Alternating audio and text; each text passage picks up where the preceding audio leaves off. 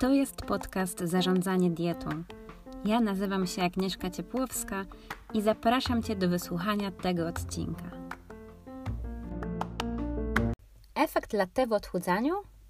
Nie, nie chodzi tutaj o wpływ małej czarnej albo kawy z mlekiem na proces odchudzania.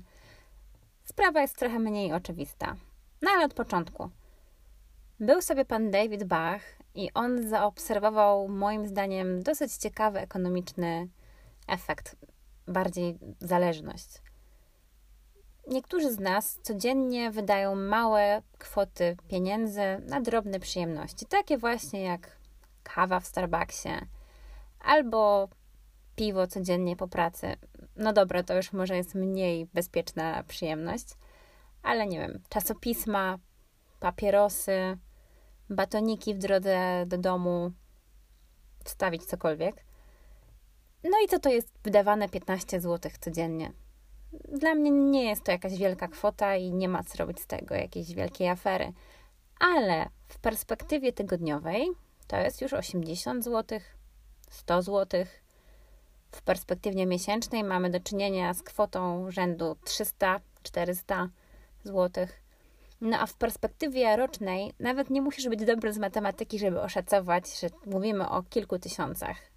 Tysiącach, które mógłbyś przeznaczyć na nowy komputer, na konto oszczędnościowe, na inwestycje, na nowe szpilki, naprawdę na wszystko.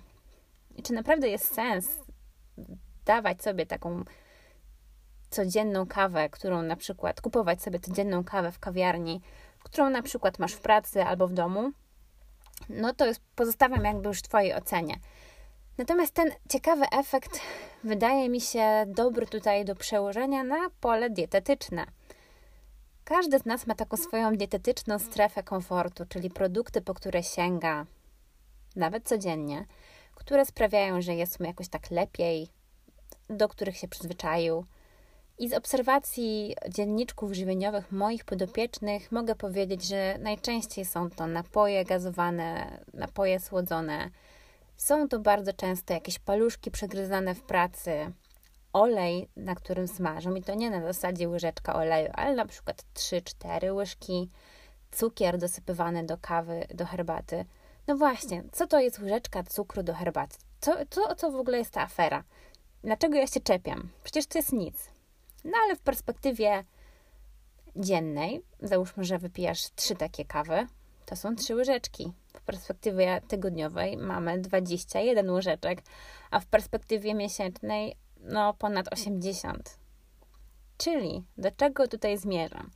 Do tego, że takie małe, drobne przyjemności żywieniowe w ciągu dnia w perspektywie właśnie tygodniowej i miesięcznej dają całkiem niezłą liczbę kilokalorii. I teraz, jeżeli się nie odchudzasz i generalnie masz prawidłową masę ciała i za bardzo te kalorie cię nie interesują, to myślę, że sprawa jest dla ciebie mniej problematyczna niż dla osób, które są na tak zwanej wiecznej diecie. Może mniej problematyczna, ale pomyśl też o swoim zdrowiu. Jeżeli codziennie konsumujesz produkty z dużą zawartością cukru, czy kwasów tłuszczowych, czy alkoholu, myślę, że Twoja wątroba oraz trzustka nie są szczęśliwe. Wracając jednak do odchudzania.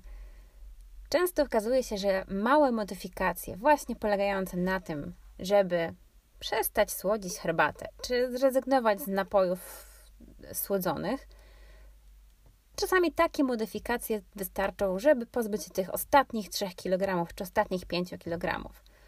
I żeby nie być gołosłowną, przytoczę tutaj badanie, które podlinkowałam w opisie odcinka i podlinkuję także w transkrypcji na moim blogu. Badanie było proste. Wzięto 300 osób z nadwagą i otyłością i powiedziano im: Słuchajcie, sprawa jest prosta. Zamieńcie te napoje słodzone na wodę.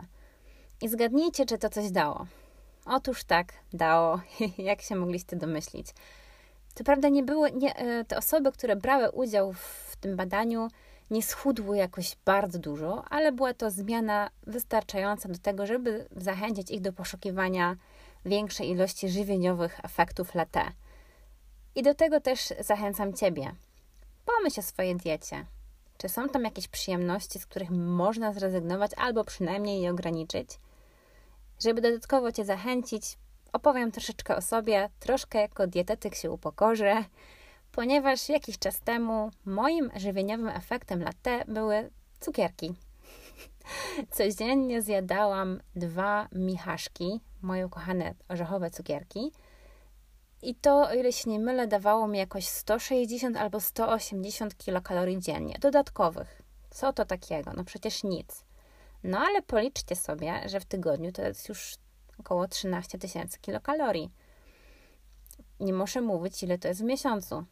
Bardzo dużo. I właśnie, no nie powiem, że to mnie jakoś bardzo wstrzymywało odchudzanie, ale znacznie spowalniało. Dlatego rezygnacja z tych moich ukochanych cukierków, e, nie mówię, że w ogóle nie jem, ale znacznie je ograniczyłam, sprawiło, że ta redukcja idzie troszkę szybciej. Więc co mogę Ci polecić? Obserwacja jest Twoim sprzymierzeńcem. Zobacz, czy czasem nie dodajesz dużo cukru do herbaty czy do kawy, czy ten olej się nie leje na patelnię z większej ilości. Swoją drogą oczywiście nie zachęcam do smażenia, ale to może zostawmy na inny odcinek. Czy może nie sięgasz zbyt często po puszkę coli albo puszkę innego napoju? Czy może weszło Ci w nawyk jedzenie batoników codziennie do obiadu? jeżeli rzeczywiście chcesz schudnąć raz na zawsze, to warto takie nawyki kontrolować. I nie zrozummy się źle. Ja jestem daleka od stwierdzenia, nie masz mieć przyjemności w życiu, ani nie możesz pić tej kawy z Starbucksa, nie możesz nigdy w życiu zjeść batonika, ponieważ sama jem czasami batoniki. Tylko chodzi mi tutaj o takie podejście do tego zdroworozsądkowe, takie strategiczne właśnie. Jeżeli jestem na diecie, no to tak jak z tymi finansami, tak? Jeżeli oszczędzam kalorie czy pieniądze, to nie mogę ich roztrwaniać na małe przyjemności codziennie.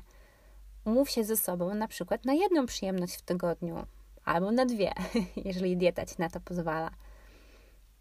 Ok, podsumowując, pomyśl o swojej diecie w kontekście tych żywieniowych pułapek i tych takich małych przyjemności, które mogą, chociaż nie muszą rujnować ci dietę, ponieważ długofalowo ich ograniczenie lub eliminacja zapewni ci po prostu lepsze efekty. Dziękuję Ci bardzo za wysłuchanie tego odcinka i do następnego razu.